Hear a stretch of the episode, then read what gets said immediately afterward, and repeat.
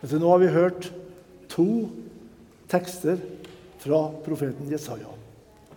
Og Da tenkte jeg at vi skulle se litt mer på hva profeten Jesaja så fram imot. Jesaja så mange ting i tiden han levde, men han så også langt fram. Og der framme så han en konge i Davidsrekken. Han levde mer enn 700 år før Jesu fødsel. Det er ganske mye. Og han fikk mange sånne framblikk, Jesaja. Det er han som har fått flest framblikk helt imot Jesus. Og Jesus var en kongesønn. Så alle disse tekstene Jesaja, fra Jesaja det liksom er sagt til en som skal komme i Davids slekt. Og i juleevangeliet der spiller David en stor rolle. Han ble født i Betlehem, og han var den store kongen. I hans slekt skulle Messias komme. Her har jeg en tegning som et av barnebarna våre har laga. Hun tegna Jesaja 700 år før det han så. Og de ringene omkring skal liksom vise at det er lang, lang tid. da. Jeg tror de ser hva som disse tegningene illustrerer. Men det skal vi se på etter hvert. Der, som Inge leste fra Jesaja 7, en jomfru skal bli med barn i denne kongeslekten. Skal en jomfru som ikke har vært gift med noen mann, bli med barn. Og det navnet han skal få, det hørte vi var Immanuel. Og det sang koret om her også. Immanuel. Det betyr Gud er med oss. Så når det barnet blir født, så er det Gud som kommer og blir hos oss. Og Det ser vi også her i to kapitler senere, som Inge leste nettopp. Et barn er oss født, en sønn er oss gitt. Og så kommer navnene under, rådgiver, veldig Gud, evig far og fredsfyrste. Ikke et eneste barn utenom Jesus har fått sånne navn.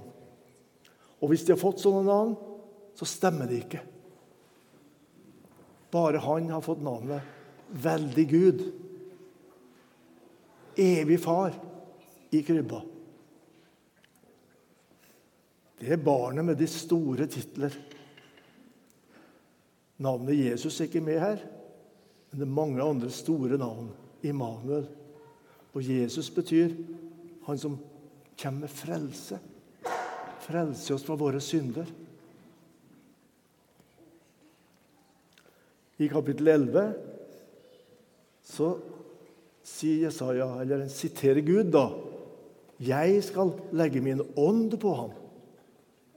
Jeg er Gud, Ånden og Sønnen, kongesønnen. Tre personer i én setning. Jeg, ånd på ham. Det opplevde profeten, døperen Johannes. Da kom Guds ånd over Jesus som en due, står det. Og flere plasser står det den ble over ham. Forlot ham ikke. Jesus hadde Guds ånd for sin virksomhet hele tiden. I kapittel 42 står noe av det samme, men der står det i tillegg Dette er min tjener, den utvalgte som vi har velbehag i. Sitat Gud. Så sto døperen der og døpte Jesus. Kom den røsten. Der. Dette er Ja vel. Den kongesønnen profeten Jesaja så fram imot, så konturene av, hørte Johannes røsten. Der. Han ble utpekt av Gud til å være oppfyllelsen av profetens ord. Da tror jeg døperen skjønte for alvor. Her står han som profeten Jesaja har tegna så mange konturer av. Framblikket imot. Veldig Gud, evig Far, Immanuel. Som Gud har valgt ut til et bestemt oppdrag, og som Gud er glad i. I kapittel 61 så sier denne kongesønnen sjøl Herren, Herrens ånd, er over meg til å utrope et nådeår fra Herren. Er et veldig flott uttrykk.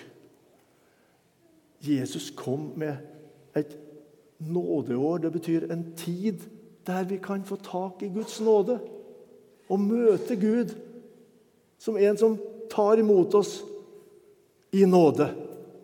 Et nådens år. Kanskje er det i Det gamle testamentet jubelåret som ligger bak dette uttrykket. Det var et år hvert 50. år da alle slaver skulle bli fri. Og så brukte de av og til ordet nådeår om det året da alle blir fri.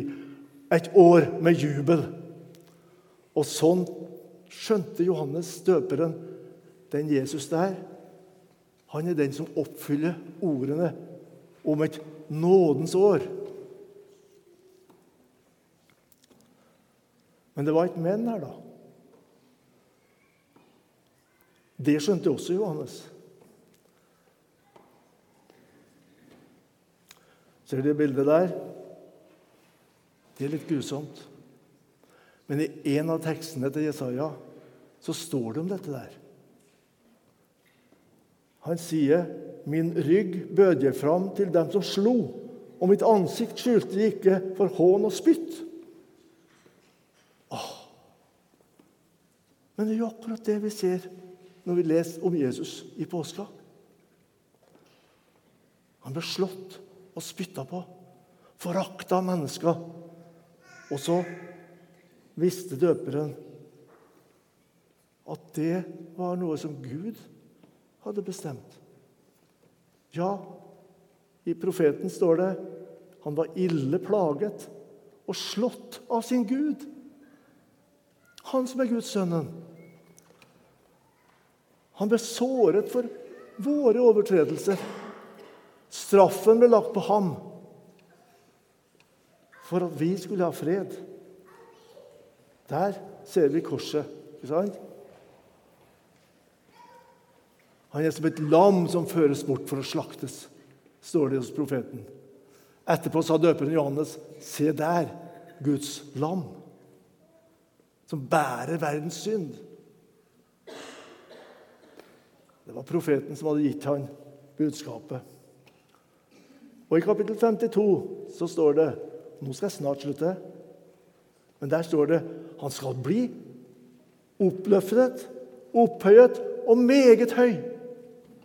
Denne kongesønnen som blir så stygt behandla, og som bærer straffen for oss. Han skal til slutt bli opphøyet, oppløftet og veldig høy. Påskedag oppløftet, Kristi himmelfartsdag opphøyet og sitter ved Guds den allmektige Faders høyre hånd. En slags trefoldig opphøyelse. Det er Jesus som plasserer seg, eller som blir plassert på Guds trone. I himmelen. Han som kom til oss. Jesaja fulgte denne frelseskongen ifra denne unnfangelsen da han ble til i Marias liv, mors liv, til å få plass på Guds trone i himmelen. Den samme Jesus. Men han gikk veien om korset. Jesaja var en juleforkynner og en påskeforkynner. Det skal jeg avslutte med her. En jomfru skal bli med barn. Et barn er oss født, en sønn er oss gitt. Og såret for våre overtredelser. Straffen ble lagt på ham for at vi skulle ha fred. en forkynner, som profeten Jesaja var, skal gi budskapet adresse.